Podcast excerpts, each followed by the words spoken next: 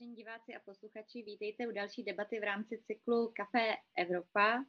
Tentokrát se budeme bavit o dodávkách a dostupnosti plynu v Evropě. Já se jmenuji Helena Truchla, pracuji jako analytička v projektu České zájmy v EU, který spadá pod Sociologický ústav STEM a budu dnešní debatu moderovat. Budeme se bavit o tom, uh, jestli a jak si může Česko zajistit dostatek uh, zemního plynu pro tuto topnou sezónu a pro všechny další. Uh, jak by měla vypadat společná evropská, případně národní reakce na hrozící nedostatek této suroviny a jak by také mohly postupovat vlády, zejména ta česká, aby své občany, ale stejně tak třeba i průmysl ochránili před co, největšími, co nejvíc ochránili před dopady hrozícího nedostatku. Já jsem moc ráda, že tady se mnou dnes budou diskutovat tři velmi povolaní experti, a to uh, paní Lenka Kovačovská, konzultantka v en, uh, energetice a bývalá výkonná ředitelka Českého plynárenského svazu. Dobrý večer. Dobrý večer. Jako druhý host pozvání přijal Luděk Niedermayer, poslanec Evropského parlamentu za TOP 09 a Evropskou lidovou stranu. Dobrý večer. Dobrý večer. A do třetice bych ráda přivítala Martina Jiruška, který působí jako odborný asistent na Fakultě sociálních studií Masarykovy univerzity v Brně. Dobrý večer i vám. Dobrý večer, díky za pozvání. Vlastně ta otázka, kolem které se debaty o plynu točí, zůstává stále neměná. Já si uvědomuju, že je velmi těžké na ní hledat odpověď a ty odpovědi se také poměrně liší podle toho, koho se zeptáte. Eh, nemůžu si ale eh, odpustit ní otevřít i tuto debatu a začala bych u vás, paní Kovačovská. Eh, dokáže si Česko zajistit dost plynu na tuto zimu? Nebudeme mít na výběr. Česko si musí zajistit dostatek plynu na nadcházející topnou sezonu. Obrovskou výhodu, kterou máme, je, že jsme dobře přepojeni infrastrukturou na západní trhy. A taky to, že výpadek Nord Streamu 1 začal až na konci září, až na začátku září letošního roku. Čímž pádem jsme měli dostatek času e, naplnit podzemní zásobníky což je nesmírně důležitá věc pro tuto topnou sezónu. Pro tu následující to bude mnohem, mnohem těžší. Druhá a to opravdu neskutečně důležitá věc, která se České republiky povedla, ale nesmí zůstat jenom u ní, je pronájem terminálu v Nizozemsku na skapalněný zemní plyn z Emshafnu. A taky to, že už dorazily první dodávky skapalněného zemního plynu. Určitě ta dodávka teď při těchto teplotách může stačit pouze na jeden týden zhruba spotřeby České republiky, nicméně je to důležitý začátek. Plus počítáme s tím, že další dodávky budou ať už do, do Emshafnu, eh, nebo česká vláda velmi aktivně jedná i o pronájmu eh, nebo zakoupení podílu v jiných dalších nově budovaných eh, zásobnících nebo skapalňovacích zařízeních na evropské půdě asi nejblíž a nejdůležitější jsou ty, které se budují v současné době v Německu v blízkosti stávající infrastruktury. Další velmi důležitý krok, který česká vláda udělala, je, že nakoupila eh, strategické zásoby zemního plynu přes státní hmotné rezervy. To je novinka a velký precedens, který doteď nebyl. A taky, co si myslím, že je hodně důležité, je, že do určité míry se povedlo vládě uzamknout naskladňované zásoby zemního plynu, které probíhalo vlastně naskladňování v létě eh, pomocí aukcí na to, aby se ten plyn byl schopen eh, uvolňovat teprve v průběhu topné sezony a nikoli na základě obyčejné cenové arbitráže. Takže to jsou důležité kroky, nicméně obrovské kroky jsou ještě před námi. Na Emshaven máme zasmluvěno zhruba 3 miliardy kubíků, přitom samotná spotřeba České republiky, nesmíme zapomínat, je zhruba 9 miliard kubíků ročně. Eh, Děkuji za odpověď, pane Jurušku. Eh, slyšeli jsme tady vlastně takový přehled kroků české vlády, které, které podnikla. Eh, pokud byste to měl zhodnotit, vnímáte to jako dostatečné, nebo vám tam třeba něco schází? Já bych tu problematiku toho zajišťování dodávek plynu rozdělil na takové dvě úrovně. Jednak je ta externí dimenze, a pak eh, ta vnitřní dimenze v rámci České republiky. Já si myslím, že co se týče zajištění těch dodávek těch vstupů vlastně do toho systému, co už tady paní kolegyně řekla, tak tam se podařily poměrně, poměrně dobré, dobré věci tím zajištěním těch dodávek LNG, ale i tedy následné přepravy do České republiky. Druhá věc je potom, jak se bude vyvíjet cena té komodity a od toho se budou odvíjet samozřejmě kroky nejen české vlády, ale vlastně celá Evropa toto řeší. To znamená, já bych tady možná trochu poopravil nebo chtěl bych, aby zaznělo to, co v té diskuzi možná ne, ne vždycky jasně zaznívá. A, že to, a tedy to, že to není krize infrastrukturní, dodávková, že bychom neměli jak ten plyn vlastně dopravit a neměli bychom vstupit do toho systému. Ale spíš ta, ta, ta krize vzniká a, vlastně manipulací těmi dodávkami a následně potom cenou té komodity, která potom hýbá tedy, a, tedy s cenou elektřiny a tak dále. Jo, takže a, já to vnímám tak, že v té vnější dimenzi a, se podařily, podařily dobré věci, a potom je otázka, jak to budeme řešit, jak to budeme řešit v rámci České republiky. A to je samozřejmě potom otázka složitější, do toho vstupuje otázka počasí, jaká ta zima bude. A vypadá to, že při současných zásobách, jestli se nepletu, paní Kovačovská když tak opraví, myslím si, že ta, ty současné naskladněné zásoby měly vydržet někdy do února, do konce února, a možná do března, což je zhruba tři čtvrtiny té topné, topné, takzvané topné sezóny. Takže z tohoto pohledu to vypadá, to vypadá poměrně optimisticky, byť si myslím, že pokud by došlo tedy k nejhoršímu, což znamená zastavení tedy ruských dodávek, tak se nějakému omezování spotřeby nevyhneme, ale je tady, je tady na základě legislativy daný, daný nějaký postup, kdy kteří odběratelé se, se omezují jako první, to znamená tom prvním sledu by se to netýkalo českých domácností, což samozřejmě neznamená, že se nebude muset omezovat potřeba. Víme, že na základě, vlastně, že na, na základě dohody Evropské rady se dohodlo vlastně snižování 15, dobrovolné snižování 15%, 15% snižování spotřeby, které může se tedy překlopit do těch, do těch povinných eh, úspor. Vypadá to, že Česká republika si vede docela dobře, protože oproti Loňsku třeba už teď jsme asi o 15 nebo 20% níže, co se týče spotřeby plynu. A, takže já bych tu diskuzi takhle otevřel takovým relativně pozitivním, optimistickým uh, náhledem, že se mi zdá, že na, to, na, to, na té obecné úrovni zajišťování plynu těch dodávek si vedeme poměrně dobře a, a neměl, bych, neměl bych eh, strach o nějakou těžkou krizi, zavírání provozu a tak dále, eh, minimálně do tři čtvrtin té topné sezóny. Byl poměrně optimistický úvod. Paní Kovačovská, vy jste chtěla reagovat? Obávám se, že trochu schladím ten optimismus. Já se nemyslím, že to je pouze krize ekonomická, kdy se bavíme o vysokých cenách plynu, ale je to i infrastrukturní problém minimálně na nadcházející dvě, tři topné sezony. Musíme si uvědomit, že my jsme z roku na rok přišli o 155 miliard kubíků dodávek, což je 40% dodávek zemního plynu do Evropy. A evropská plynárenská infrastruktura logicky byla nastavená tak, že největší robustnost je ze směru z východu na západ. A musíme ještě udělat celou řadu kroků, i infrastrukturních na to, aby se ten plyn, který se bude dostávat ze skapalňovacích terminálů na pobřeží západní Evropy, dostal do České republiky nebo do celé střední a východní Evropy. Není to úplně samozřejmé, ta infrastruktura na to není stavěná, Zároveň je, jsou tam velké úzké místa, jsou blízké místa přímo v Německu, jsou úzké místa v Beneluxu, Francii ani nemluvím o úzkých místech, to znamená, není to úplně snadné, je téměř zázrak, nebo ne téměř, je určitě zázrak, co se povedlo a to je, že se staví terminály tak strašně rychle, že Německo bylo schopno de facto vykoupit veškerou kapacitu volných uh, eh, FSRů z těch uh, lodí, které vlastně uh, jsou instalovány místo ty fyzické infrastruktury, ale rozhodně to není snadná věc. Musíme si uvědomit, že teď máme velké štěstí v tom, že je relativně mírné počasí v Ázii a že azijské dlouhodobé kontrakty mohou být díky právě té vysoké ceny přesměřovány do Evropské unie a teď nám pomohlo to, že doteď nebyly de facto zakypovány ceny zemního plynu ani elektřiny v Evropě.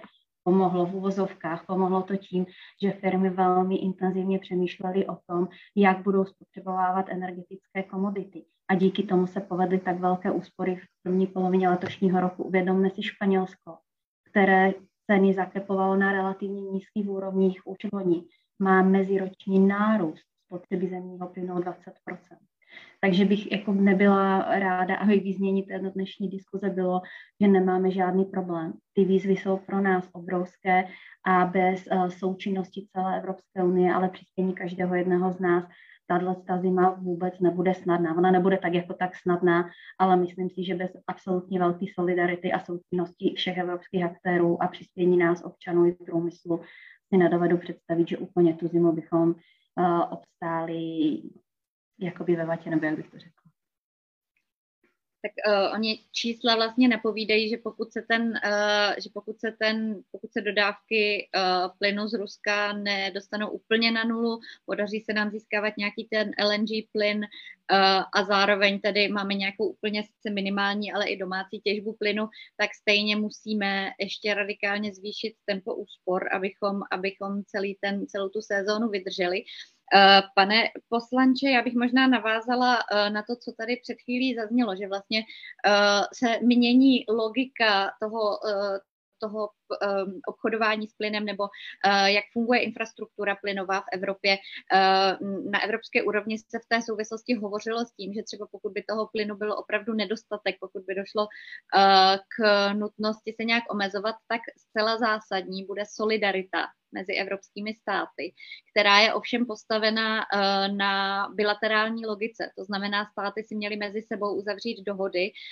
kdyby toho, stát, toho plynu bylo nedostatek v jedné zemi, například v Česku, tak uh, že Němci nám pomůžou. Uh, Vnímáte, že se třeba v tomto ta debata nebo ten reálný stav nějak posunul? Protože vlastně to, co tady zaznělo, to jsou debaty, které se vedou už uh, dlouho, ale pokud to v konečném důsledku záleží na tom, co my si vyjednáme vlastně třeba se sousedy, od kterých budeme muset ten plyn dostávat, tak jaký je váš pohled na ten současný stav?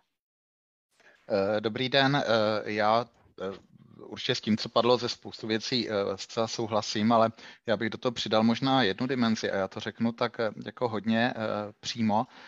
Tato krize na úrovni České republiky nemá žádné řešení. Česká republika sama o sobě by tuto krizi prostě nemohla řešit. My jsme schopni tuto krizi vyřešit v okamžiku, kdy ji začne řešit Evropská unie jako celek. A tohle se naštěstí, eh, naštěstí stalo, eh, protože my nemáme kde ten zemní plyn eh, vytěžit. Z Ruska ho dovážet nechceme, nebo to nebude možné a musíme ho dovést odinut.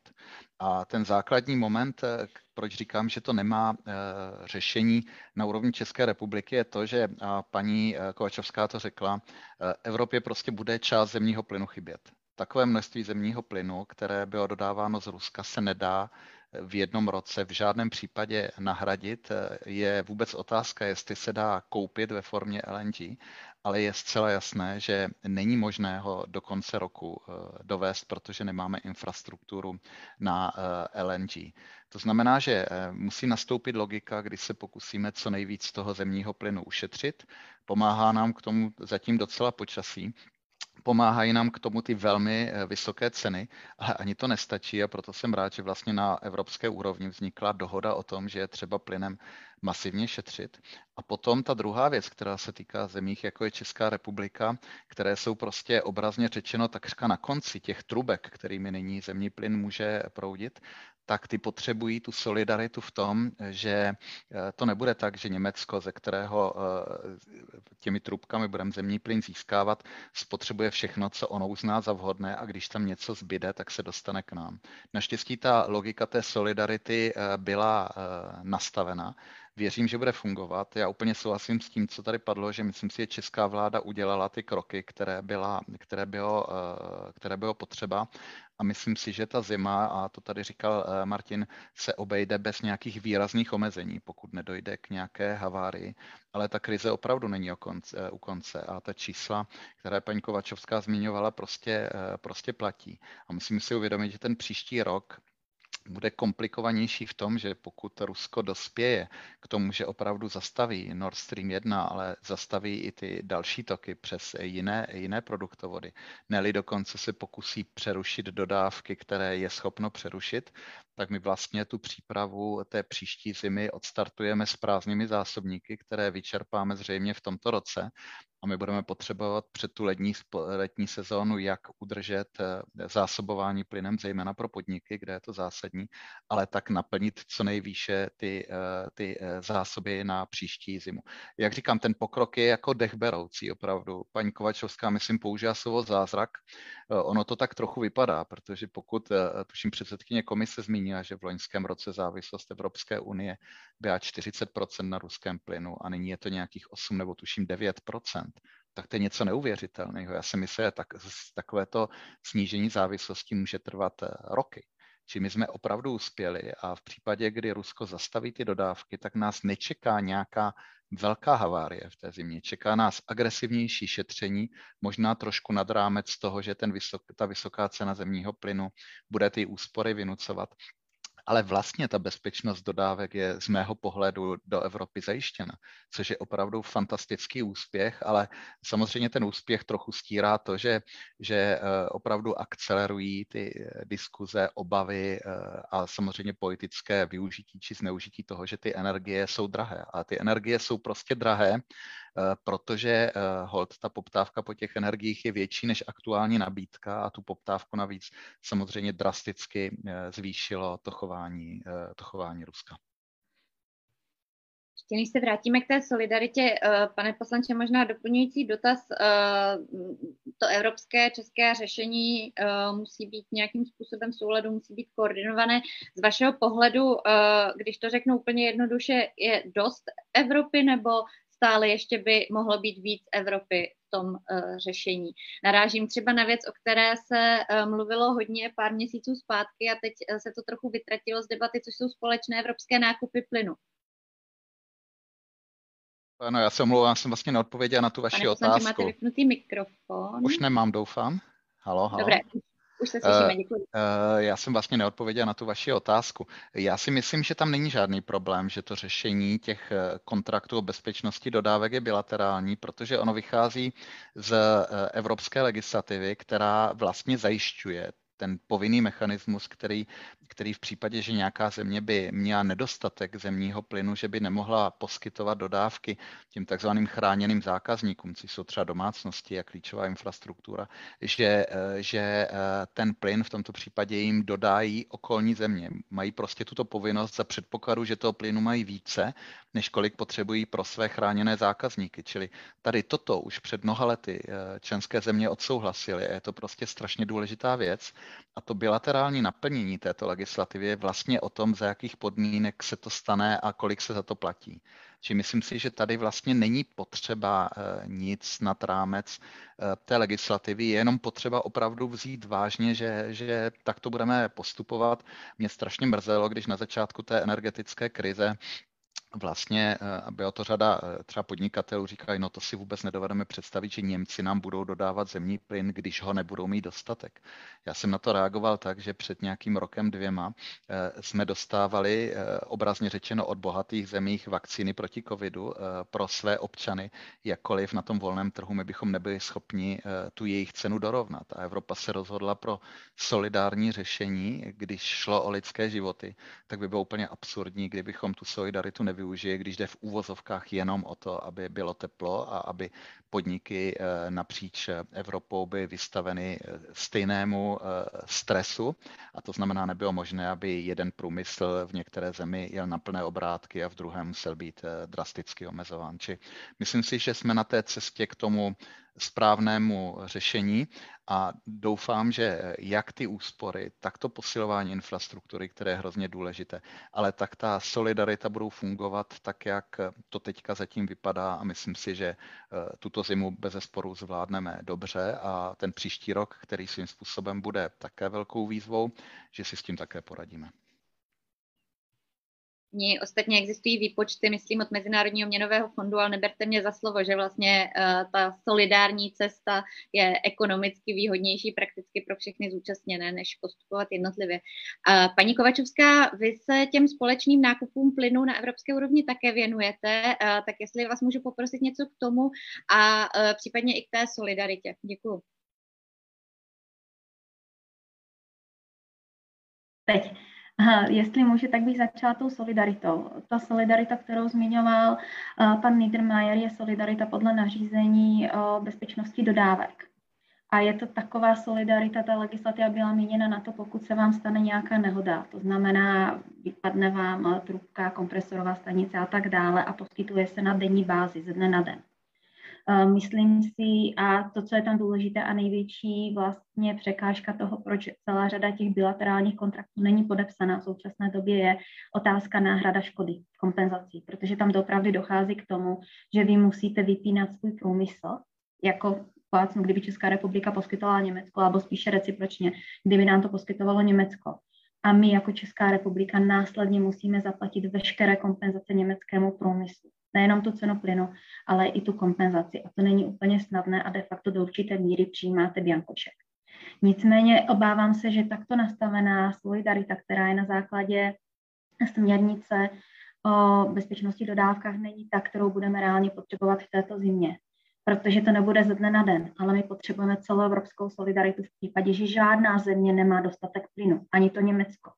A to si myslím, že bude největší politická zkouška pro všechny politiky, kdy dlouhodobě, a bavíme se o řádu měsíců, nikoli dnů, budou muset, aniž by měli naplněné své vlastní zásobníky plynu, aniž by byli schopni třeba zásobovat klíčové své energeti- uh, průmyslové firmy, posílat plyn dál. To bude obrovská zkouška evropské solidarity a pokud tohle to selže, tak si myslím, že selhal celý projekt Evropské unie. To je strašně důležité si uvědomit, že se bavíme o jiné solidaritě než jenom SOS pardon, já teď, že vám do toho skočím a teďka uh, ta situace, kterou jste popsala, to znamená, že uh, nikdo nebude mít dostatek a bude potřeba uh, být solidární za cenu toho, že musím omezovat sám sebe. Uh, to je hypotetický scénář, který by nastal za jakých okolností, nebo ta jistota, že to tak bude, uh, jestli můžete trochu uvést. V případě, že vypnou se všechny plynovody z Ruska, tak je to velmi reálný scénář upozorňuji, že jediné státy, které budou úplně v pohodě, bude Portugalsko, bude eh, Španělsko, možná Francie, které mají dostatek eh, zásobníků LNG. Nicméně my všichni ostatní, včetně Německa, budeme mít velký problém. Zároveň Německo bude muset spolíhat na solidaritu právě z západnější části Evropy proto, aby potenciální plyn, který k němu doteče například eh, z Norska, mohl být přesměřován do našeho regionu, do střední východní Evropy. To je trošku jiný systém solidarity.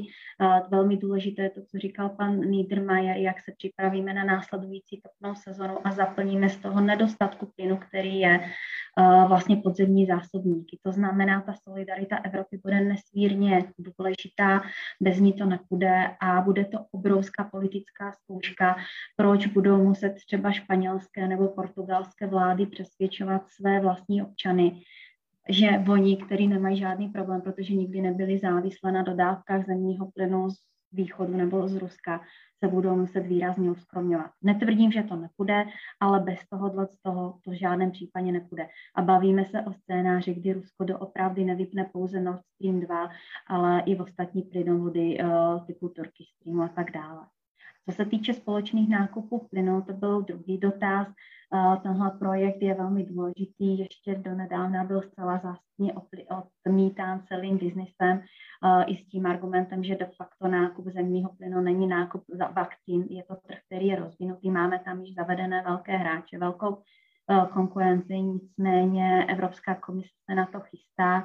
Jsou dvě varianty, jakým způsobem by to mohlo mm, vyvolat komerční zájem. Určitě to nepůjde pouze na úrovni členských států. Bude nesmírně důležité do toho zapojit jednotlivé velké uh, evropské hráče, obchodníky se zemním plynem, který prostě uh, jsou ti, kteří dodávají plyn do Evropy. A která může být výhoda té platformy jednak to, že může agregovat i dílčí menší uh, nabídky nebo poptávky ze strany jednotlivých menších aktérů. Zároveň může omezit do určité uh, míry přetahování se vzájemnou konkurenci jednotlivých evropských aktérů o velmi vzácný zemní plyn a pomoct nám v rámci naskladňování zemního plynu pro následující topnou sezonu do podzemních zásobníků. A co je velmi důležité, teď úplně asi se k tomu ještě dostaneme, všichni mají velké problémy s likviditou a zároveň nevědí, kolik plynu budou jejich odběratele vodních poptávat. To znamená, nikdo není ochotný vstoupit do jakýchkoliv dlouhodobých kontraktů. Rok, dva, maximálně tři, když to víme, že pokud sem chceme nalákat dlouhodobé dodávky, potřebujeme uzavírat kontrakty na 15-20 let. A to je něco, kde právě ta evropská jednota, podpořená třeba i nějakou finančním rámcem, kdy Evropské unie může být velkou přidanou hodnotou a takovým tím game changerem v rámci společných nákupů zemního plynu, především pro LNG teda. Děkuji. My se pak k tomu uh, dlouhodobějšímu horizontu ještě dostaneme. Uh, pane Jirušku, uh, jestli vás ještě můžu poprosit o reakci na to evropské řešení, protože uh, vlastně téma, které se teď objevuje hodně a bude asi jedním z hlavních námětů uh, příštího týdne, je uh, vlastně ta evropská dohoda o zastropování cen elektřiny u výrobců. Souběžně se vedla i debata o možném zastropování cen plynu, na tom ale schoda zatím e, není. Tak třeba, jestli můžete v rámci toho hodnocení hledání společného evropského řešení zmínit i tento aspekt, jestli by se to mělo stát, nemělo výhody, nevýhody. Tak eh, já si myslím, že jedna z věcí, která, kterou je dobré si uvědomit, je, že se nám vlastně ta problematika rozpadá na dvě dimenze. Že se nám to rozpadá vlastně na vnější dimenzi a na vnitřní dimenzi, na ten na vlastně trh. Ta vnější dimenze je něco, co, kde vlastně Evropská unie nemá pravomoci, protože to je, to je něco, co se vlastně překrývá i se, třeba i se zahraniční politikou jednotlivých členských zemí, což je, což je oblast, které si ty členské země úzkostlivě střeží. A je otázka, jestli tahle krize uh, třeba i tímhle, v tomhle směru posune tu evropskou integraci dál. Zdá se, že, to je, že by to mohlo být řešení, protože by to pomohlo vlastně koordinaci, ale otázka je, jestli členské země jsou, jsou vlastně na toto, na toto připraveny. Ta vnitřní, vnitřní dimenze potom je fungování trhu. Tady se několikrát, nebo zaznělo v těch, těch diskuzích, se, se několikrát zaznělo, že trh selhal, že trh nefunguje a tak dále. A já jsem se vůči tomu vždycky ohrazoval, jsem říkal, že ten trh neselhal. Ten trh prostě funguje tak, jak eh, by se dalo předpokládat, eh, že trh fungovat bude ve chvíli, kdy je vysoká poptávka a není dostatečná nabídka. Tak prostě ceny, ceny vyletí nahoru. Problém je ten, že ten trh po letech, kdy fungoval v náš prospěch, až někdy do loňského jara, kdy, ten, kdy, kdy eh, ty ceny byly třeba 50 násobně nižší na spotu, než jsou teďka, tak najednou funguje v náš neprospěch. A ten trh má ale má nástroj na to, jak regulovat sebe dovnitř, ale nemá právě jak uh, regulovat tu krizi, která vznikne na tom vstupu ve chvíli, kdy tam je nějaký, nějaký aktér, který manipuluje cenami těch dodávek.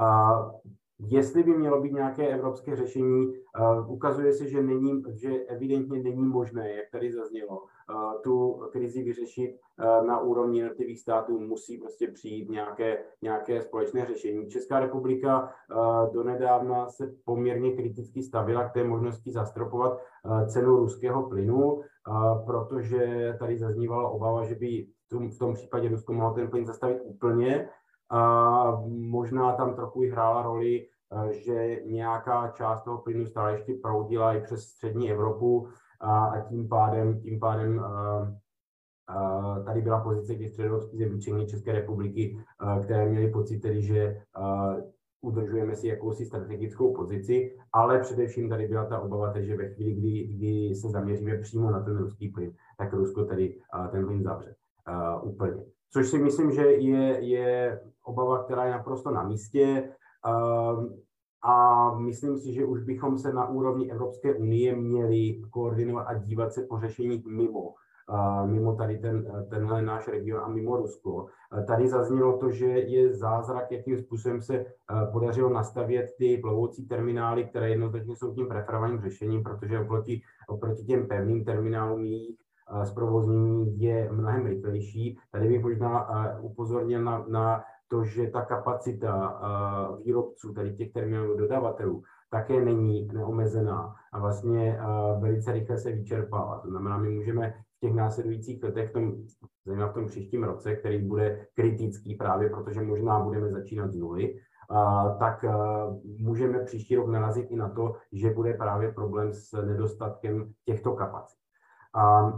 Zároveň, eh, co je, co vidíme, je, že Evropská komise zažívá takové, eh, řekl bych, své zlaté období v tom, že je velice aktivní, což, za což je jí potřeba uh, přiznat, což je jí potřeba přiznat, a přichází s, s iniciativami, které jsou i poměrně realistické. Uh, v polovině, myslím, že to bylo v polovině května, přišla Evropská komise s tím plánem Repower EU, který byl politicky významný hned z několika důvodů. Jednak, že zcela otevřeně řekl, že Rusko je ten problém, a tato iniciativa je zaměřená právě na to, jak se zbavit ruského plynu. Což, eh, když se na to podíváme z dlouhodobého hlediska vymezování se Evropské komise nebo toho, jak Evropská komise mluví otevřeně, tak eh, to byla skutečně unikátní záležitost. Další politicky významná věc eh, na úrovni toho evropského řešení, která přišla tady s touhle iniciativou, bylo, že vlastně zabudovala už i ty předchozí kontroverzní, nebo řekněme kontroverzní z pohledu toho, jak se dohadovali a jak je některé členské státy vnímaly iniciativy jako třeba Fit for 55, a které vlastně se staly takovým jakýmsi společným jmenovatelem, ze které tady tahle ta aktivita vycházela. A tam jsou poměrně, poměrně konkrétní čísla minimálně ve polovině této dekády. Potom, co je po roce 2027, je poměrně vágní a tam je zase potřeba kritizovat, že Evropská komise tam nabízí vlastně jedno jediné řešení v té dlouhodobější perspektivě a to je zelený, zelený vodík, který bych řekl, že má ještě dlouhou cestu před sebou a rok 2027 tedy na ten bych nespolehal. Ale do toho roku 2025 zhruba jsou tam velice realistické cíle v úsporách které říkají, že Evropská unie by měla být schopna uspořit až nějakých 70 miliard rychlových metrů s poměrně, s, pom, s poměrně nízkým, s poměrně nízkou snahou. Samozřejmě, musíme nahradit až 160 miliard rychlových metrů plynu, který nám, který nám bude chybět. Ale neřekl bych, že, nebo takhle, řekl bych, že ta, ta evropská řešení tady jsou a jsou poměrně realistická. To, jestli budou stačit, to je samozřejmě druhá věc.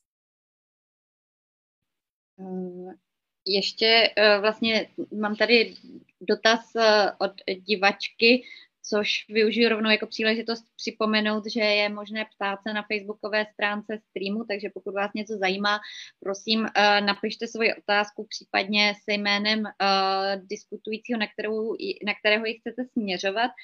Uh, já se teďka trošku posunu směrem k otázce uh, divačky a ještě bych se zeptala pana Jiruška, uh, vlastně na té evropské úrovni teďka vzniká dohoda o zastropování cen elektřiny u výrobců a jedním z těch doufaných nebo kýžených výsledků by mělo být i snížení poptávky po plynu, jehož z nějž vyráběná elektřina právě zvyšuje ceny elektrické energie celkově. Vidíte tam ten možný efekt, že zastropování cen elektřiny může snížit poptávku po plynu? Zatím, zatím to vypadá, že tu poptávku po plynu snižuje zejména, zejména jeho cena. Uh, a tady bych dal zapravdu těm, kteří uh, se ozývají s kritikou, že bychom se neměli bavit jenom o uh, omez, zastropování těch cen, ale měli bychom se i zaměřit právě na cílené, cílené omezování spotřeby. Protože tady hrozí riziko, že ve chvíli, kdy se zastropuje cena plynu, uh, tak uh, to nesníží jeho spotřebu. Jenom to přenese ty náklady vlastně na, na vlády, které budou se muset vypořádat s tím, co je vlastně nad, s, tou, s těmi náklady, které jsou nad tím stropem. Takže vlastně z tohoto pohledu by to řešilo nějaké, nějakou aktuální bolístku vlastně eh, těch eh, menších spotřebitelů, zejména domácností, což samozřejmě je politicky, eh, politicky důležité, ale ne, neřešilo by to ten, ten větší problém té závislosti a, a respektive spotřeby toho, toho plynu. Takže v tomhle, v tomhle já vidím problém. Moc děkuji. Uh, já se tím přesunu k první divácké otázce, která je tedy směřována na pana uh, Niedermayera, který chtěl současně i reagovat.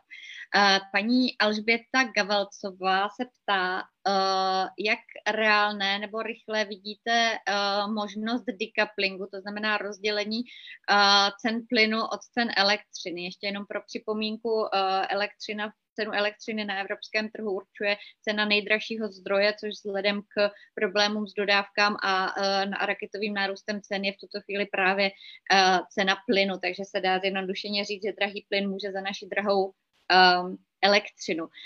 Mluví se o tom, že by se tento mechanismus nějak změnil. Pane poslanče, vidíte to reálné nebo rychle uskutečnitelné?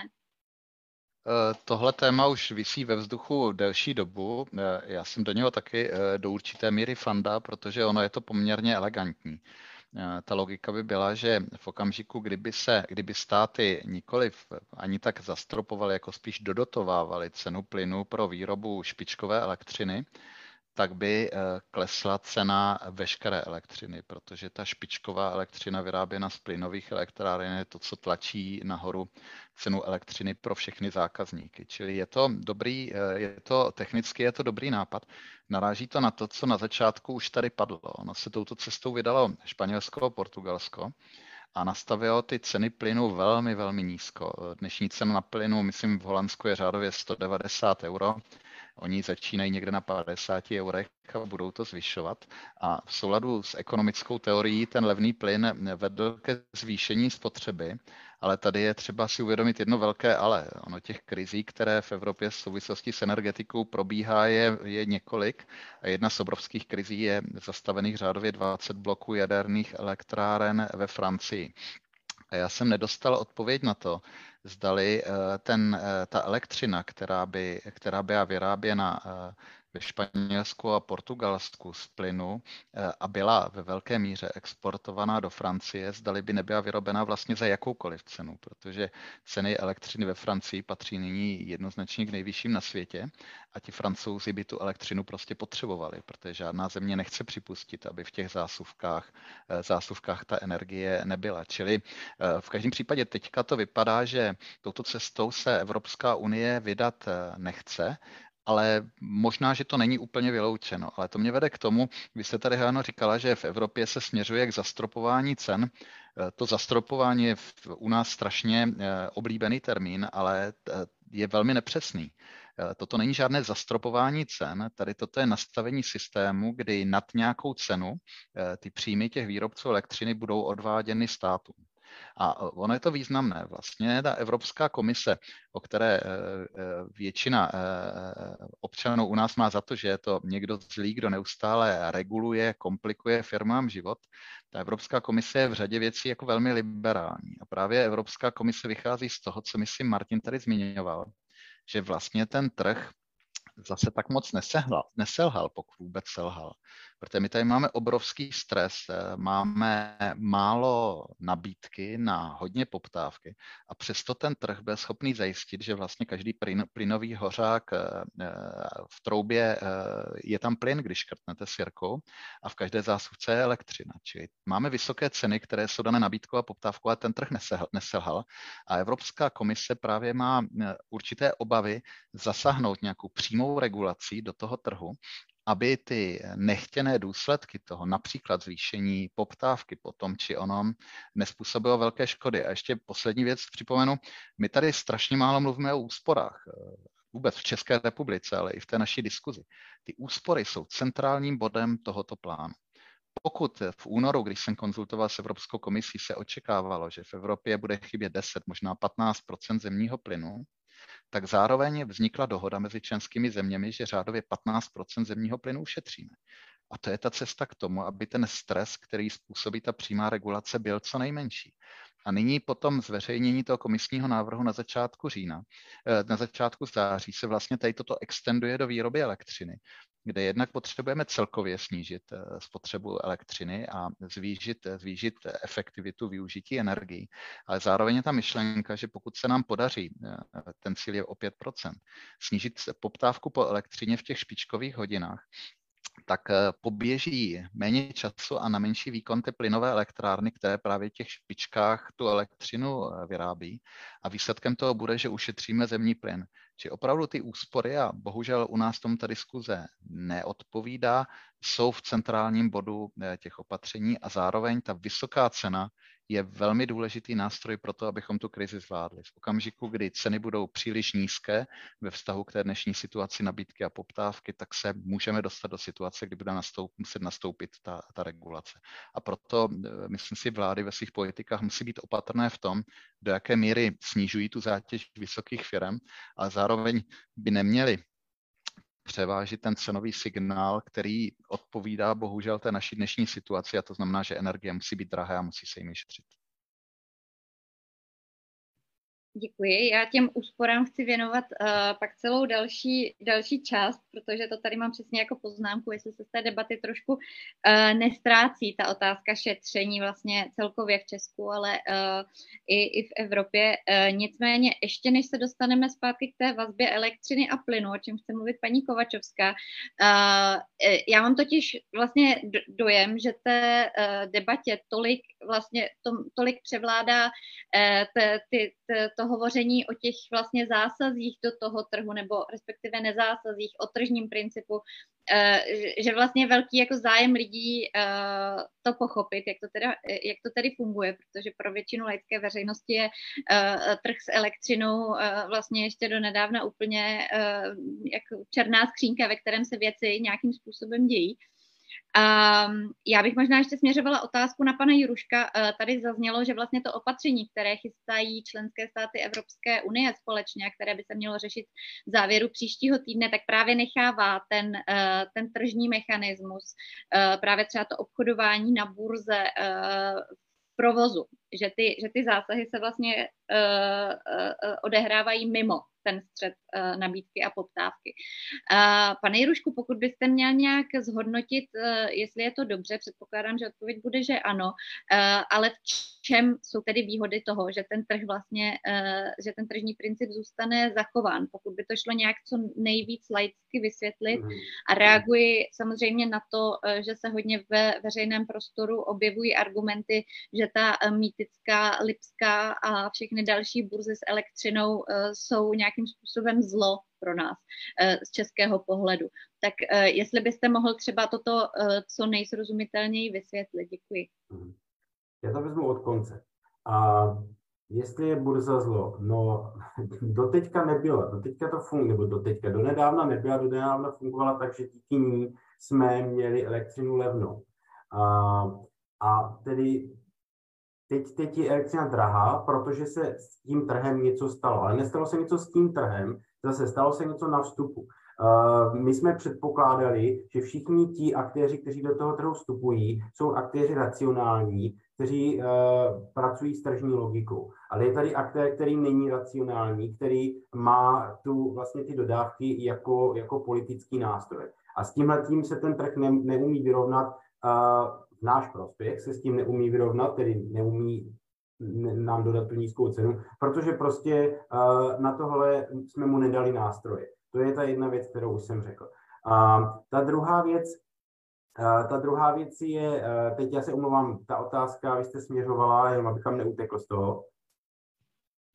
Uh, proč předpokládám, že budete eh, zastávat názor, že je dobře, že třeba to společné evropské řešení nebourá nebo nezasahuje do toho tržního principu, pokud se bavíme o elektřině, tak eh, pokud by bylo nějak srozumitelně možné říct, proč je to dobře, že ten princip zůstane zachován.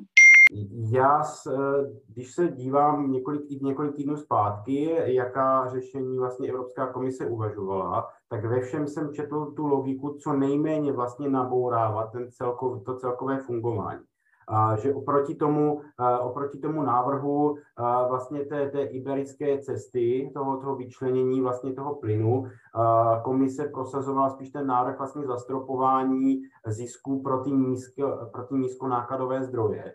A, a byť tedy oba dva jsou zásahy do fungování trhu, tak ten druhý, který prosazovala komise, mně přijde jako z hlediska, z hlediska síly zásahu do toho trhu mně přijde mírnější a jako něco, co by eventuálně se dalo potom snadněji odvolat. To znamená, z hlediska nějakého, z nějaké logiky mně toto přijde jako přijatelnější ve chvíli, kdy uvažujeme tak, že toto je přece jenom dočasná krize, kterou překonáme a já věřím, že ji překonáme a pak se vrátíme a budeme se chtít vrátit zase k fungování toho trhu tak, jak jsme nastavili. Takže z tohoto pohledu mě ta řešení, eh, které prosazované Evropskou komisí, dávají větší smysl. Byť se samozřejmě můžeme bavit potom o nastaveních a o dopadech na jednotlivé členské země, Uh, protože, a teď navazuji na, na paní Kovačovskou, že ta přece jenom to, ta propojení nejsou ideální, jsou tam ta úzká hrdla mezi španělským, mezi, mezi Iberským poloostrovem, Francií a tak dále, tak to, to je pak samozřejmě na jinou debatu, ale když se ptáte na, tu, na, tu, na ty zásahy do toho trhu, tak já tam čtu jednoznačnou snahu nerozbourat ten trh úplně pod vlivem té, té aktuální krize a zasahovat do něho tak, aby jsme se v ideálním případě mohli vrátit k tomu, jak fungovala předtím, tedy že nám uh, poskytoval levnou elektřinu. Ještě poprosím pana europoslance krátce k tomu trhu a pak se vrátíme zpátky k plynu.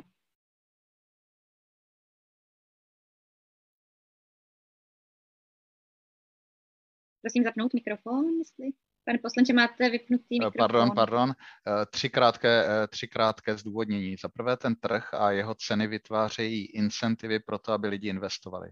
My potřebujeme zvýšit eh, nabídku eh, energie a k tomu jsou potřeba investice a ty investice se odvíjejí od fungujícího tržního prostředí, na kterém investoři vědí, za jakou cenu tu energii budou prodávat. Samozřejmě s možnými státními intervencemi typu aukcí a tak, a tak dále. Druhá, eh, druhý fakt, ovlivňuje to poptávku. Prostě ty tržní ceny ovlivňují poptávku, ty vysoké ceny jsou důležité pro to, aby klesla poptávka. Pokud nesnížíme poptávku, tak eh, se z té situace nedostaneme. A třetí věc, vlastně na tom trhu eh, se zajišťuje to, že všichni máme v zásuvce elektřinu a v trubkách plyn. V okamžiku, kdyby ty trhy, to obchodování bylo zastaveno, tak by vlastně musela nastoupit možná nějaká direktivní kontrola, direktivní regulace každého producenta, možná dokonce i některých odběratelů, eh, aby, eh, aby bylo zajištěno, že, že té energie bude dostatek. My jsme vlastně podcenili, a ta diskuze o tom eh, vlastně to potvrdila, že lidé, a možná ani politici si neuvědomují, že obrovská část energetiky je v soukromých rukou. Je to konkurenční systém, který nám dlouhá léta velmi dobře fungoval ve smyslu zajištění levných dodávek, dodávek elektřiny. A právě ty státní zásahy na jedné části toho velmi složitého, promyšleného systému mohou na druhém konci eh, vést k výsledkům, které by byly katastrofální a možná ještě horší než ta situace, které čelíme. Děkuji. Paní Kovačovská. Já ještě, než se dostaneme k tomu plynu, tak bych asi trochu tomu trhu ještě něco taky zkusila dodat. Uh, merit order, to, jak se stanovuje teď cena elektřiny, je asi to nejlepší, k čemu jsme dospěli za 30 let tvorby vnitřního integrovaného trhu.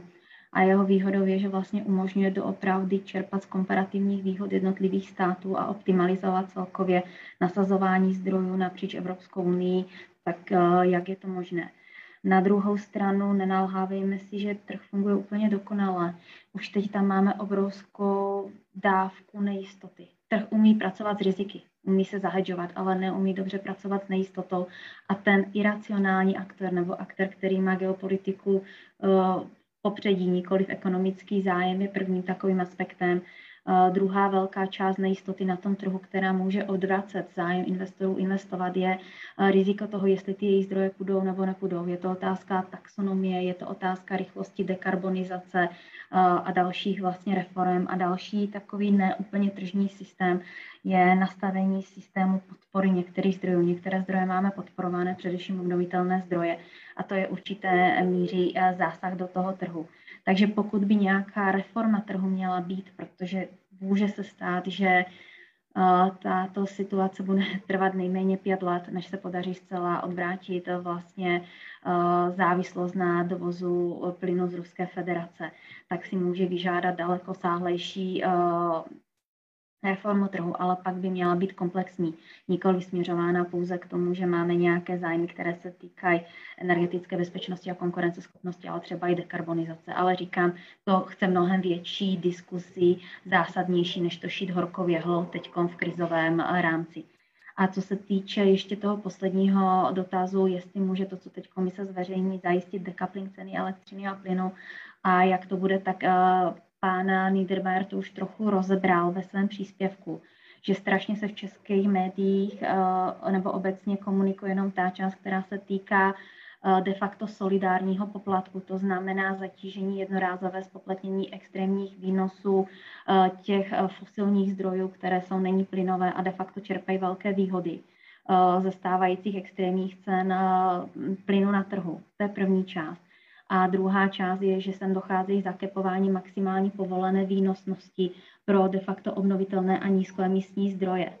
De facto všechno je děláno v souladu s tím, jak funguje trh, to znamená, nepokryví nám to nasazování těch jednotlivých zdrojů, ale umožní nám to eh, čerpat prostředky z celého energetického systému a ty dále distribuovat do trhu, ať už chráněným zákazníkům nebo taky průmyslu. De facto Evropská komise poprvé připouští rozšíření regulovaných cen nikoliv na doma, pouze na domácnosti, ale taky pro malé a střední podniky.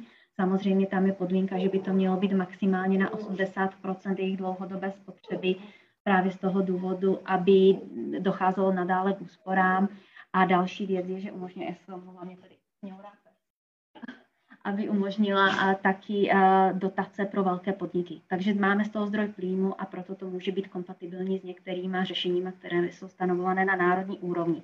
Nicméně, co se málo tady komunikuje, k tomu jsem se chtěla dostat, je otázka právě úspor v elektřině. To je návrh, který byl představený teprve nyní. Pan Niedermayer ho vlastně už vzpomínal. Plyn je špičkový zdroj. Pokud najedou snad francouzské jaderky, 60% jejich flotily odstaveno, pokud najedou. A ty přísliby ze strany francouzské vlády jsou, že by se měly jaderky vrátit do provozu před začátkem této zimní sezony, tak by doopravdy se měl zemní plyn a pokud Německo dodrží to, že ty své poslední tři zbylé jaderky nevypne, tak by se zemní plyn měl znova přesunout do té své původní roli, který je špičkový zdroj a vykrývat maximálně 20 eh, poptávky po elektrické energie nebo výrobě elektrické energie. A ten návrh, který komise zveřejnila, a rozhodně ho nebude snadné implementovat ani spočíst to si jako řekněme upřímně je, že by členské státy měly vybrat 10, vlastně 10% nejvyšší špičkové spotřeby a z ní by měly uspořit 5% elektrické energie, především díky tržním motivacím. Motivovat firmy, aby nespotřebovaly tzv. demand side response nebo agregátory aktivace zhlu flexibility a v případě, že by tohle to došlo, tak právě se zníží ten výrazný tlak vysoké ceny zemního plynu, protože těch hodin, ve kterých budou závěrkové elektrárny plynové, se zníží poměrně výrazně, ale opět pouze v případě, že se povede obnovit francouzskou jadernou flotilu. Děkuji moc krát. Tím jsme se trošku uh, vrátili k tomu, k tomu plynu, který má být uh, hlavním tématem uh, dnešní debaty, ale ono samozřejmě roz, rozdělovat tu elektřinu a plyn a, a tu, tu, tu diskuzi je prakticky nemožné. Uh, já tady mám další otázku z publika a dám asi slovo panu Jiruškovi. Nicméně um, trošku se i přiblížím těm úsporám. Uh, vlastně jak jste sami několikrát řekli, hodně se ta debata točí kolem toho, kde sehnat alternativní dodávky plynu, kde ho sehnat co nejdříve. Eh, zároveň eh, také už zaznělo, že často ty, ty kontrakty, které jsou uzavírány, tak eh, jsou na mnoho let dopředu. Dneska eh, přišla zpráva z Velké Británie, že tamní vláda eh, chce povolit takzvané frakování, což je eh, asi můžeme říct kontroverzní metoda získávání zemního plynu s, s diskutabilními dopady na, na životní prostředí. A uh, mluví o tom třeba i experti bruselského think tanku Bruchl, jestli právě tato orientace na, uh, na plyn v této formě, v této podobě nevytváří Evropě vlastně novou, novou závislost. A k tomu se vztahuje i uh, otázka uh, z publika, která, kdy paní Jana Ondrášková zmiňuje konkrétně Azerbajdžán jako jednoho z alternativních dodavatelů plynu místo Ruska. A ona zmiňuje, že eh, Evropa si tím vlastně eh, bere plyn eh, od státu, který nedávno vojensky narušil územní suverenitu Arménie. Samozřejmě otázka dodržování lidských práv a tak dále v azerbajdžánským režimem je také diskutabilní. Jak se dívat tady na ten střed, kdy vlastně potřebujeme nejspíš ekonomicky, energeticky se zajistit, ale zároveň se tím zavazujeme k zemím, jejich uh, jejichž režimy jsou v rozporu s hodnotami, na kterých je EU založena, se ptá paní Ondrášková. Pane Jirušku, jestli můžete vy. No, to je samozřejmě dobrá otázka, ale když to vztahnu přesně na ten Azerbajdžán, tak já musím Azerbajdžánu a jeho, respektive jeho představitelům přiznat jedno uznání, a to je to, že i přesto, jak malý dopad mají jejich dodávky na, na evropské zásobování s plynem, tak dokáží vytvořit dojem, že eh, jsou naprosto klíčovým dodavatelem. A když se podíváte na to, jaký, jaké množství a kudy dodává vlastně Azerbajdžán plyn do Evropy, tady je to zejména tedy plynovod jeho kavkazský následně a ten transjadranský plynovod, to je 10 miliard krychlových metrů. To je něco, o něco málo víc, nebo zhruba o jednu miliardu krychlových metrů víc, než kolik spotřeba Česká republika. A rozšíření toho, toho, této cesty by znamenalo zhruba zdvojnásobení. A je otázka, jestli vůbec k tomu kdy dojde. To znamená, bavili bychom se o nějakých 20 miliardách krychlových metrů, zhruba něco málo přes dvě eh, roční spotřeby České republiky. To skutečně není něco, eh, a teď já to, já to trošku zjednodušuju. Jo? Já nechci nějak jako podceňovat tu, uh, tu problematiku obchodování s autoritářskými režimy, ale z hlediska závislosti uh, není to tak, že bychom se měli bát, že vyměníme jeden autoritářský režim za druhý, protože skutečně ten objem, který Azerbajdžan dodává a je schopen dodávat, tak ten skutečně ne, neznamená nějaké přeorientování evropské spotřeby z jednoho autoritáře na druhého. A jak říkám, je vůbec otázka, jestli k tomu, jestli k tomu dojde, protože je dost možné, že většina tě, té zvýšené dodávky z Azerbajdžánu, pokud tedy dojde k rozšíření toho plynovodu, tak stejně skončí na tureckém, na tureckém trhu. A já bych jenom takovým oslým můstkem navázal v rychlosti k tomu vlastně, k té geopolitice, tady té, té orientace a těch dodávek. A tohle je vlastně něco, kde Evropská unie, pokud bude se chtít s těmito otázkami vypořádat, tak bude chtě nechtě muset posílit spolupráci v té externí dimenzi. Tedy jak možná takovým trošku okruhem se vracíme ke kořenům evropské integrace po druhé světové válce, která vlastně začala jako poměrně úzce definovaná integrace v oblasti, v oblasti energetiky, v oblasti surovin. Ale zazněla tady taky jedna důležitá věc, a sice ta, že ten trh ne vždycky je schopen posílat správné signály. A, a to je dáno vlastně logikou fungování, která funguje na základě nabídky a aktuální, která dodává vlastně ty signály v krátkodobém horizontu. Ale není schopná vám v dlouhodobém horizontu eh, dát eh, signál, co se bude dít, tedy to není schopná odhadovat to riziko, jak tady, jak tady zaznělo. Eh, což je taky jeden z důvodů, proč se do problému dostalo odvětví jaderné energetiky, kdy vlastně ti producenti nebo stavitele jaderných, jaderných bloků si nebyli schopni na základě eh, té nízké a fluktující ceny elektřiny spočítat vlastně návratnost té investice, která je obrovská a zvyšuje se i vlivem událostí, jako, jako byla třeba Fukushima, a, tak se ty fixní náklady zvýšily takým způsobem, že v případě, kdyby, když si nejste schopni spočítat návratnost té, té investice nebo je příliš dlouhá, tak do toho prostě nejdete. A je vidět, že i pod vlivem té současné krize dochází možná k trochu jakoby paradigmatické změně, kdy jsme svědky zatím jakýchsi, jakýchsi náznaků, ale e, v případě třeba Francie i poměrně konkrétních kroků, kdy ten stát opět začíná víc vstupovat e, do toho energetického sektoru, protože stát bude, chce dělat ta strategická dlouhodobá rozhodnutí. To znamená, když to řeknu úplně jednoduše, ten trh vám dává signály, jak ta cena eh, elektřiny vypadá teď, takže eh, na základě toho vy jste schopni postavit zdroje, které eh, jsou postavitelné rychle, mají malé fixní náklady, typicky obnovitelné zdroje. Ale časem můžete zjistit, že vám chybí nějaký větší baseloadový zdroj, který to celé podepře na který ale potřebujete delší časový výhled, delší časový horizont, abyste byli schopni si tu investici spočítat. A toto vlastně eh, čistě komerčně orientovaní aktéři na tom trhu eh, nejsou nebo nechtějí udělat takové rozhodnutí a v tuto chvíli tedy eh, vstupuje do hry,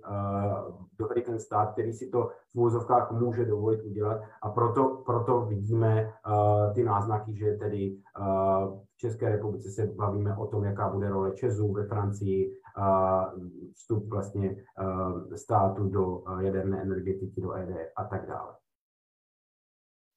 Moc krát. Já si dovolím lehce přeformulovat uh, jednu otázku z publika. Poprosím o rychlou odpověď po pořadě uh, vás všechny. Asi začnu rovnou u pana uh, Jiruška. Mluvil jste o těch dlouhodobých strategických výhledech, změnách paradigmatických. S plynem se před začátkem války na Ukrajině počítalo s jakýmsi přechodovým zdrojem od fosilních paliv, uh, hlavně třeba uhlí, uh, k těm obnovitelným. Myslíte si, že tato jeho role zůstává v platnosti nebo se to bude nějak měnit? Uh, myslím si, že uh, za, začnu trochu ze široka. Z začátku v prvních dnech, týdnech se objevovaly hlasy, že Green Deal nebo snaha o energetickou tranzici dekarbonizaci, že je mrtvá. Myslím si, že postupem času vidíme, že naopak ty cíle té energetické tranzice a snížení importní závislosti na, na autoritářských režimech mají v zásadě stejné trajektorie, že můžeme takzvaně zabít dvě mouchy jednou ranou. Co se týče té přechodové, té přechodové role toho plynu, ta je dána vlastně z definice toho, jak fungují plynové elektrárny a toho, jak vlastně fungují v systému, kde se zapojuje víc intermitentních zdrojů, tedy obnovitelných zdrojů. Vlastně ten, ty krátké náběhové, náběhové doby těch plynových elektrárn. To znamená, tam, kde ty, a ve světle té současné situace, to vidím tak, že tam, kde ty elektrárny jsou, ta kapacita je již postavená, tak tam budou fungovat a budou se ty státy nebo ti jejich provozovatelé snažit je zajistit, aby fungovaly dále, protože v tom systému mají svoje místo. Ale pravděpodobně bude, bude těžší obhájit si eh, stavbu dalších plynových zdrojů, jednak eh, z hlediska toho dlouhodobého tlaku na dekarbonizaci, který si myslím, že se teďka ještě zvýší, zejména ze strany Evropské komise, a jednak i ze strany té nejistoty, kdy vlastně investoři nebudou, nebudou eh, minimálně v tom krátkodobém a střednědobém horizontu mít tu jistotu, tedy že nedojde k nějaké deformaci vně toho trhu, kterou teďka vidíme, která by potom ohrozila tu jejich investici. Děkuji moc krát, paní Kovačevská. Vy jste chtěla reagovat a poprosím pak také o odpověď eh, na otázku budoucnosti plynu v evropské energetice. Děkuji. Hmm, jenom krátká reakce, jistotu investoři už nikdy mít nebudou. Asi myslím si, že to je jediná věc, kterou mají jako jistotu, že jistotu mít nebudou. Eh, dotaz eh, k autoritářským režimům, jenom bych upozornila, že největším dodavatelem LNG do Evropy se staly Spojené státy americké. Jakmile naskočí znova Freeport, tak budou ještě větší. Mají největší potenciál de facto nových kontraktů a staví se tam poměrně velmi výrazně eh, skapalňovací terminály. Takže nepodceňovala bych, že to nejsou jenom autoritářské režimy, ale velký potenciál mají naši Eh, koaliční partneři v rámci NATO, eh, ať už jsou to Spojené státy americké, nebo velký zájem má například i Katar eh, jako takový, ale důležité je nesadit všechny karty, všechny na jednu kartu, ale de facto reálně diverzifikovat ty dodávky, co možná nejvýrazněji, jak to jen je možné. A de facto Eh, doteď v Evropě zemní plyn hrál roli, tak Evropa kupovala LNG pouze, když se jí to hodilo. Když byl buď na trhu levný, nebo když doopravdy neměla. A Evropa by teď měla systematicky budovat i střední a východní Evropa eh, dlouhodobé kontrakty zaměřené na dodávky zemního plynu. Mm-hmm. Jenom jestli ještě můžu, když budu trochu hrát ďáblova advokáta, tak se můžeme bavit třeba o podmínkách, za kterých se ten uh, plyn ve Spojených státech získává, což nás zase vrací zpět k tomu prakování. Tak uh, to může být třeba nabít, námitka, jestli vlastně je úplně uh, jako férové, když má Evropa nějaké zelené dekarbonizační ambice, ale zároveň by se hmm. stala závislou na plynu získávaného touto metodou. Já si myslím, že ta transparentnost toho, jaké chemikálie používají Spojené státy v americké ve frakování je rozhodně lepší než v některých azijských zemích. Uh, takže tady bych na to uh, jakoby, uh, nechtěla to úplně jakoby, kritizovat a znevažovat. Na druhou stranu, a tady se chci dostat trošku víc do České republiky a to, co říkal pan Jiroušek, jestli má plyn vůbec nějakou budoucnost v celé řadě zemí, především na západ od Evropy, které, eh, od České republiky, které již výrazně byly plynofikované, se jasně teď řeší trajektorie odklonu od masivního využívání zemního plynu. Jednak je to nahrazení plynných paliv za plynné paliva. Není to jenom vodík, který hodně propaguje Evropská unie a eh, komisá Ursula von der Leyen, včetně vytvoření vodíkové banky, ale taky biometan a bioplyn jako takový, který se hodně využívá a nebo bude nadále využívat. Eh, nicméně v České republiky, která má velký problém, že potřebuje nadále odstavit eh, domácí zdroje uhlí. Samozřejmě, že ten tlak na následující dva, tři roky je trošku menší. Víme, že máme vyhlášený stav nouze v teplárenství, to znamená, dočasně jsme zvedli eh, velmi přísné emisní limity na to, aby jsme vlastně mohli nechat uhelné zdroje v provozu a nenahrazovat je ničím jiným, aby jsme šetřili zemní plyn. Tak nás tahle ta diskuze nemine. A víme už teď všechny kalkulace, uhelná komise i všechny následující analýzy nám ukazují, že v České republice zatím nejsme schopni uh, zajistit zásobování masivní a náhradu uhlí v teplárenství jinak než zemním plynem. Takže my očekáváme jako jedna z relativně mála krajin Evropy, ale nejsme to my, ale je to třeba i Polsko, že u nás potřeba plynu, nebudu říkat na schlazeního, ale plynu poroste na rozdíl od celé řady států a musíme se k tomu stavět systematicky, musíme tím plynem eh, šetřit tak, jak to jde. Zdroje, které se budou stavět, budou muset být vysokoučinné kogenerační jednotky, nicméně si dovedu představit, že nějaké plynové zdroje budeme potřebovat i pro špičkový výkon, protože je velmi nesmírně těžké řídit eh, elektrizační soustavu za, uh, složenou pouze z jaderných elektráren a obnovitelných zdrojů musíme velmi výrazně si pospíšit s rozvojem uh, flexibility a úložišť. Nicméně Česká republika doopravdy všechny analýzy nám ukazují, že až se situace stabilizuje, uh, tak asi ještě bude docházet k nárůstu využívání plynu především z CZT, asi dojde k odklonu na úrovni domácností, které doopravdy budeme vnímat a je to i nastavené nové zelené úsporám nebo její novější sestry představené teprve tenhle týden, že domácnosti půjdou tam, kde to bude smysluplné do obnovitelných zdrojů, ať už do biomasy, nebo tam, kde mají uh, nízkoemisní moderné domy, tak půjdou do tepelných čerpadel, uh, případně nějaké další uh, mechanismy, ale nenalhávejme si, my ten plyn budeme potřebovat doopravdy především kvůli systému zásobování teplem, na kterých nám závisí 60% obyvatelstva České republiky a je to nemalý zdroj stability pro českou elektrizační soustavu. Děkuji. Poprosím ještě o odpověď pana, uh, pana poslance budoucnost plynu uh, v Česku, v Evropě. A ještě tady mám jeden doplňující dotaz konkrétně na vás. Myslím, že se to dá spojit s tím výhledem do budoucna, jestli ta změna ve struktuře dodávek plynu a současně ceny energií uh, nemohou urychlit zkázu energeticky náročných odvětví, které jsou tradiční, ale méně adaptabilní a konkurenceschopné, jakožto sklárny, pálené stavební materiály. Eh, Děkuji. Eh, já to vezmu telegraficky. Eh, Evropa vždycky bude závislá podle mého názoru na dovozu energií a to klíčové slovo je diverzifikovat. Teďka je to samozřejmě horší, protože plyn můžou dodávat pouze země, které mají plyn.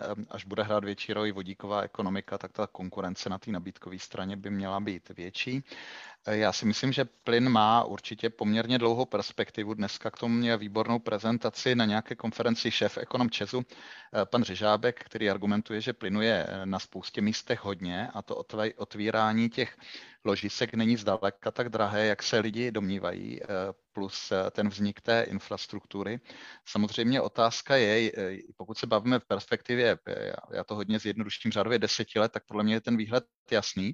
Je samozřejmě otázka, když se bavíme třeba o 20 letech a dále, protože tam já věřím, že také kvůli uh, uh, emisním cílům přece jenom se musíme dostat třeba k těm plynům, o kterých mluvila paní Lenka Kovačovská, k jiným, které nebudou emisně tak náročné a a ty alternativy existují, typu, typu biometanu, velkou roli bude hrát vodík. Čili tam je podle mě už ta otázka trochu, trochu komplikovanější. Za třetí, ještě k tomu trhu, myslím si, že na tom trhu potřebujeme mnohem víc dlouhodobé nabídky a poptávky. Paradoxně ta nabídka je a nebyla ta poptávka. Já myslím, že ta, ta dnešní krize povede k vzniku dlouhodobé poptávky a ta dlouhodobá poptávka právě bude, bude podporovat ta nová investiční rozhodnutí, protože ti lidi nepotřebují vědět, jaká je cena dnes, ale oni by potřebovali tu cenu fixovat v dalším, v dalším období. Plně potvrzuju to, co říkala paní Kovačovská, trochu bych polemizoval eh, s Martinem Jeruškem, jestli eh, opravdu ten základní termín v elektroenergetice baseload. Já si naopak myslím, že úplně zásadní roli bude hrát to vyrovnávání špiček. To znamená to dorovnávání té produkce obnovitelných zdrojů. A tam, a nejenom tam, dneska ten plyn má obrovský, obrovskou výhodu, protože se dá ukládat a protože má velkou energetickou hustotu.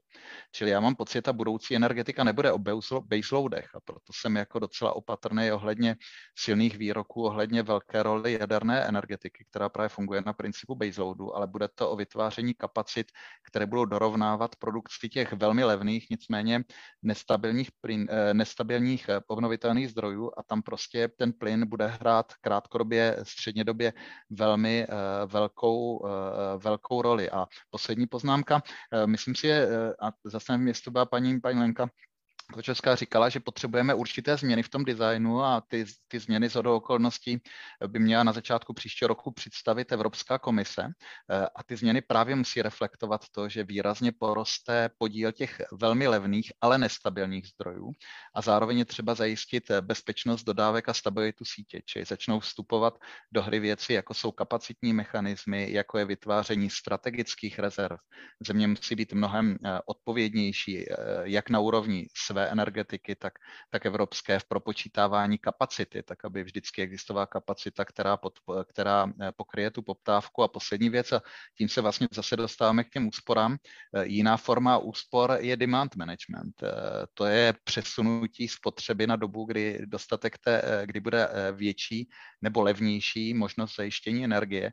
A to je jedna z, jed, jeden z klíčových momentů toho nového designu, který bude nejenom dobrý ze stahu emisí, ale zejména bude výhodný z hlediska nákladu na zajištění energií. Uh, děkuju. Uh, ještě možná, abychom odpověděli. Uh, Průmysl. Uh, průmysl uh, je dobrý si uvědomit, že v Evropě máme společný trh, čili uh, a ty ceny těch energií se jako přibližují, čili bavíme se tady ne o dopadu na vnitroevropskou soutěž, kde existují určité výjimky, což je třeba Polsko, které které produkuje energii levně díky tomu, že je odříznuté od, od zbytku trhu a produkuje eh, neúplně čistými uhelnými, uhelnými elektrárnami. Ale samozřejmě ta otázka je z hlediska možné exportní substituce. Eh, tady je důležité říct, že ty levné energie jsou většinou asociované právě s, s vysokouhlíkovými technologiemi a ty by měl řešit tu konkurenci za pomocí vyšších emisí uhlíku by měl řešit ten vyrovnávací, eh, vyrovnávací management, eh, Carbon Border Adjustment mechanismus, který vlastně zajistí to dorovnání té cenové výhody. A zároveň jednu poznámku, myslím si, že české firmy některé hrubě podcenily ty rizika spojená v energetice.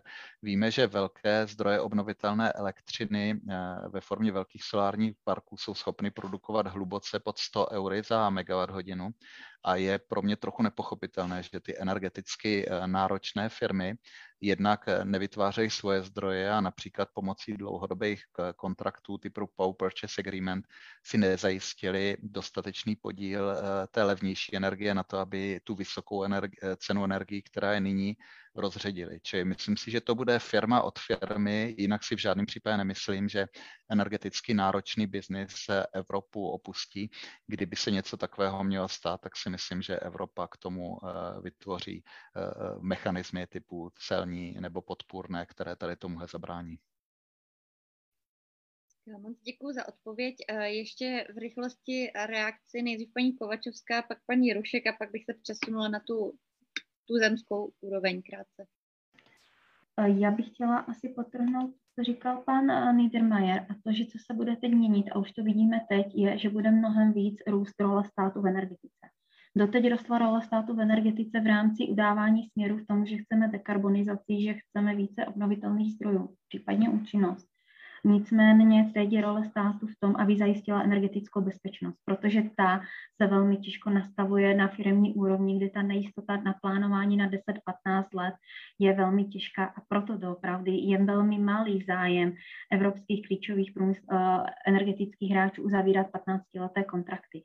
To znamená udávání toho směru, zajišťování bezpečnosti dodávek, uh, podpůrné mechanizmy a de facto ocenění té bezpečnosti. To je to, kde bude nesmírně důležitá role státu uh, a ne a Evropské unie v té energetice a myslím si, že to nebu, nesmíme podceňovat. Uh, role státu velmi narůstá, nejsou to jenom strategické zásoby, uh, de facto se do určité míry ukazuje, že energie není komodita jako každá jiná, ale že je to do určité míry veřejný statek. A pokud ještě navíc chceme určovat, jakým způsobem ten veřejný statek má vypadat, čeho má být složen, tak si myslím, že ta role státu v energetice bude mnohem, mnohem důležitější do následující minimálně jedny nebo dvou dekády a já jsem nesmírně zvědavá na to, co Evropská komise na začátku příštího roku představí, protože si myslím, že doopravdy něco systematického, kde s tím vlastně máme schopni pracovat, potřebujeme. Děkuji. Uh, pane Jirušku? Já, paní Kovačovská částečně mě vzala mou odpověď z úst, protože mluvila přesně o tom, nebo i o tom, co jsme diskutovali před o té paradigmatické změně vlastně, o problém, problému strategicky plánovat v tom tržním prostředí. Já si myslím, že nejenom, že se teďka nacházíme v, v čase geopolitického zlomu, ale že právě se nacházíme i v, v čase změnu paradigmatu rozvoje, rozvoje energetiky v Evropské, v Evropské unii. Já bych jen možná trošku opravil to, co jsem říkal, já, protože tady začalo, nebo zmínil jsem tedy, ne, nevím, jestli jsem to zmínil, ale mluvil se o baseloadu a tak dále. Já jsem měl na mysli to, že vlastně problematické uh, čím navazuji na, na tu otázku, plánovat nějakou větší investici, což v, v minulosti byly ty typické baseloadové zdroje, ale je to přesně, přesně tak, jak tady teď z té diskuze vyplývá, půjde o robustnost té sítě. To znamená, čím robustnější ta síť bude, tak tím bude lépe schopná vlastně vyrovnávat nějaké výkyvy. Ale to se neobejde bez toho, aby ty státy uvnitř té Evropské unie spolu víc spolupracovaly a aby třeba i ty e, se dělají cílená, cílená rozhodnutí, aby stát dělal cílená rozhodnutí o tom, jaké se postaví strategické infrastrukturní celky tak, aby vlastně se minimalizovalo případné riziko, které ten trh není schopen uh, v nějaké dlouhodobé perspektivě odhadnout. Děkuji moc krát. To je, myslím, zajímavé pozorování, na kterém, jsme, na kterém se tak uh, shodujete. Napříč ještě pan poslanec chce uh, něco namítnout.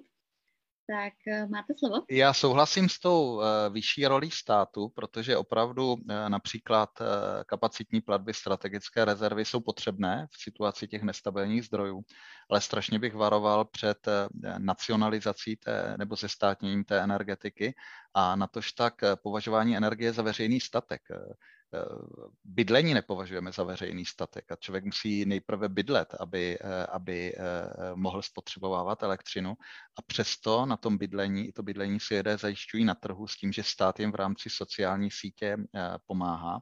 A já si vzpomínám na dobu, kdy stát chtěl zajišťovat téměř všechno a vždycky na 17. listopadu se dívám na skvělý dokument Karla Strachoty k, k k 17. listopadu 89 a e, to státní zajišťování skončilo u toho, že jsme neměli toaletní papír a spodní prádlo. Čili myslím si, že dobrý design trhu, dobré incentivy, které zajistí bezpečnost, jsou strašně důležité, ale nechme soukromé investory, ať investují, nechme na tom trhu kontrolu, e, konkurenci, protože v opačném případě skončíme u nekvalitních služeb za příliš vysokou cenu. Krát děkuju. Uh, já bych teďka ten závěrečný úsek chtěla věnovat uh, české úrovni, protože, jak už tady opakovaně zaznělo, nedá se odpojit jedno od druhého a právě těm úsporám. A pokud jde o plyn, a tak česká vláda vlastně už představila a tady se, myslím, můžeme bez, bez zaváhání bavit o zastropování cen plynu pro koncové zákazníky. Tady uh, pocítí to uh, uh, například domácnosti. Dále se samozřejmě nějakým způsobem vyvíjí to zajišťování dalších, dalších dodávek LNG a tak dále. Co za opatření, nebo mluvili jsme o tom, že chybí ten důraz na úspory.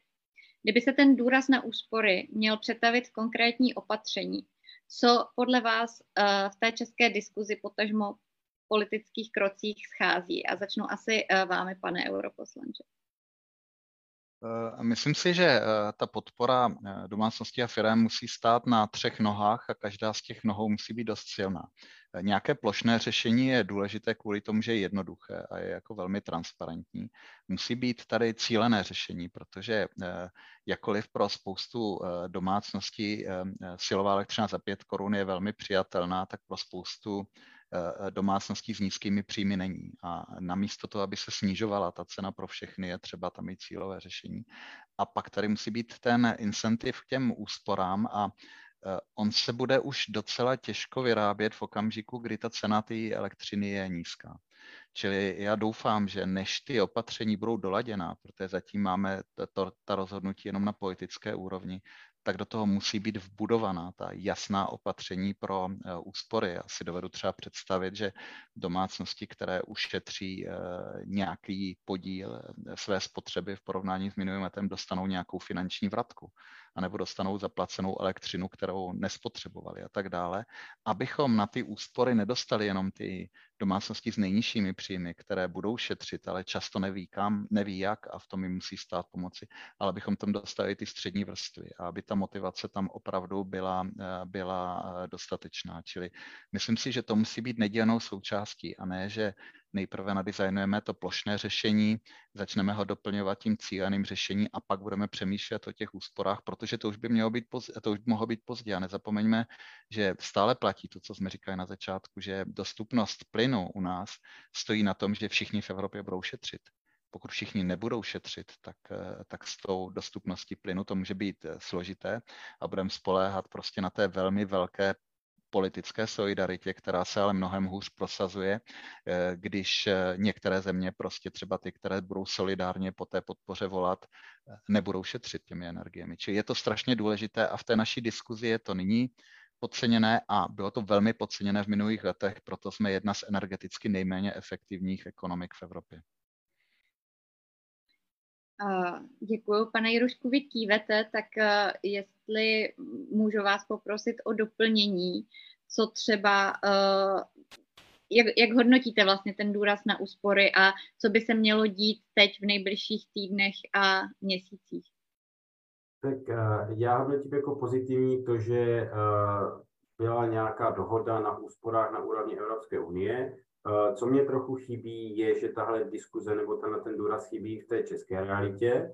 Eh, když bych si zahrál na trochu ďábla advokáta, tady riskuju, že mi to potom někdo omlátí o hlavu, eh, tak jako v podstatě tím, co nás nutí těm úsporám, je, když, když ta energie je drahá. Jo, to není náhoda, prostě, že jsme 15 až 20 se spotřebou níž oproti, oproti loňskému roku, prostě protože ty energie jsou drahé. Další věc, ale eh, když se odpíchnu od toho posledního, co řekl pan europoslanec, eh, energetická efektivita a úspory. Eh, je to pár let zpátky, myslím, Ernst Young vydal studii, která, která říkala, že jenom státní instituce na té centrální úrovni nemají, nebo díky energetické neefektivitě ztrácejí vysoké desítky milionů až nízké stovky ročně jenom na tom, že, jsou, že nejsou schopni uh, efektivně hospodařit uh, s, s energiemi a že tam tento potenciál. Uh, samozřejmě můžeme se bavit o tom, uh, jak, jestli to je hodně nebo málo, ale uh, i ten poměrně omezený rozsah té studie ukázal, že je tady takový velký potenciál. Takže já si myslím, že to by mělo skutečně, souhlasím v tom, že by to mělo jít ruku v ruce. Jednak snaha něco dělat s tím aktuálním výkyvem uh, těch cen, ale nenechat se ukolebat s tím, že až se to uklidní, tak zase budeme zpátky v normálu a nemusíme vlastně vůbec nic dělat. Uh, ten tlak na ty úspory by tady měl být a měl by jednak začít u toho státu a měl by, u státu by to měl být jednoznačně tlak na úspory a směrem k občanům by to měly být pobídky těm úsporám. Paní Kovačovská, vidíte třeba na státní úrovni že se hovoří o nutnosti těch úspor, nebo uh, buďme úplně konkrétní. Jsou tam nějaké návrhy na stole, jak třeba ušetřit plyn uh, na té státní úrovni, jako to mluvil uh, pan Jirušek teďka? Uh, Ministerstvo průmyslu a obchodu ještě před letem vydalo velmi dobrý manuál na to, jak by mohly státní prostory nebo městské příspěvkové organizace uh, šetřit uh, jenom prostou změnou chování.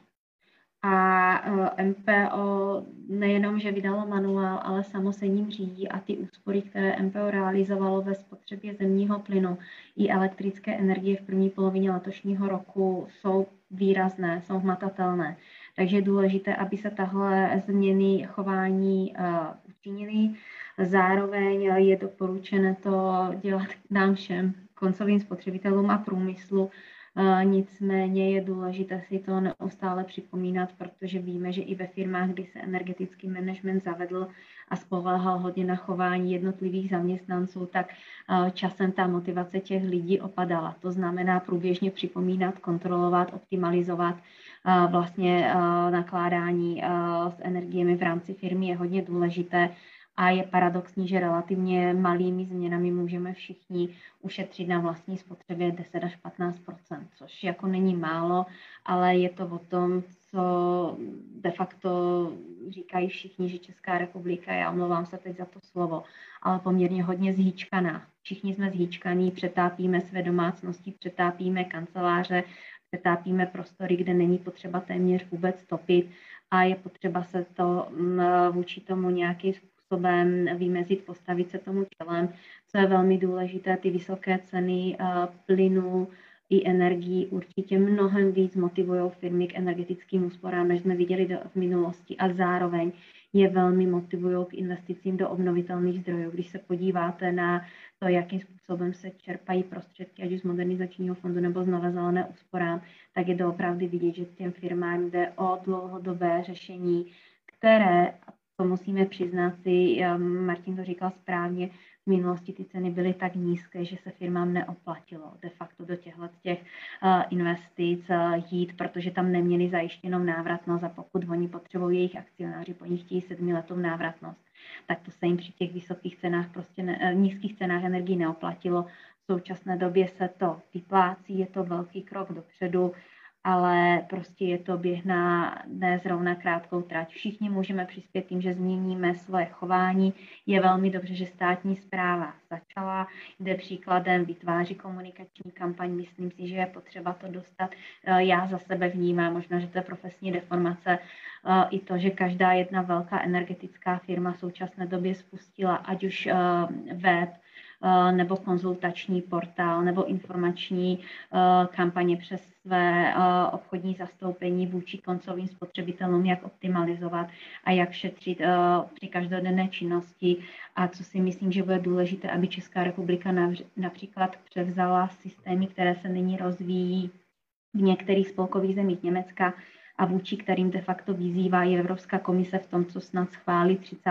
září, Eh, eh, Evropská rada pro energetiku a to je odměňovat firmy za to, že šetří. Pana, myslím, že pan Niedermayer říkal, že bychom měli odměňovat i domácnosti za to, že šetří. Eh, nicméně si myslím, že by bylo dobré to, jak se x let tady snažíme budovat flexibilitu a demand side response na úrovni elektrické energie a uplynu jsme o tom vůbec nemluvili tak zavést de facto obchodování s energetickými úsporami, s úsporama plynu pro firmy, protože ty můžou třeba optimalizovat v rámci nějakých svých možností svůj výrobní cyklus, uspořit tak zemní plyn, který můžou poskytnout těm, kteří ho zrovna v daný okamžik budou potřebovat mnohem víc, nebo znížit celkovou poptá, vlastně poptávku a budou za to ještě odměňovány. To si myslím, že je velmi důležité se do toho teď pustit. Moc děkuji za závěr, který obsahoval i pár konkrétních typů, eh, co a jak dělat, o tom, jestli ty informace o formách a možnostech úspor jsou dost zdůrazňované nebo ne, bychom se asi mohli bavit ještě dlouho. Já každopádně moc děkuji všem účastníkům dnešní debaty, kterou spolu organizovala Evropská komise v Česku, kancelář Evropského parlamentu v České republice a Institut pro evropskou politiku Europeum. Mediálním partnerem debaty je Deník CZ, kde jste mohli eh, debatu také, také sledovat. Já moc děkuji a paní Lence Kovačovské, eh, poradkyně v oblasti energetiky, europoslanci Luďku Niedermayerovi za TUP 09 a dobrna také Martinu Jiruškovi eh, z Fakulty sociálních studií Masarykovy univerzity. Já bych vás závěrem ještě moc ráda pozvala na následující debatu v rámci seriálu Café Evropa a ta se bude konat 30. Eh, pardon, 13. října a tématem bude tentokrát eh, Erasmus a příležitosti pro mladý. Hezký večer.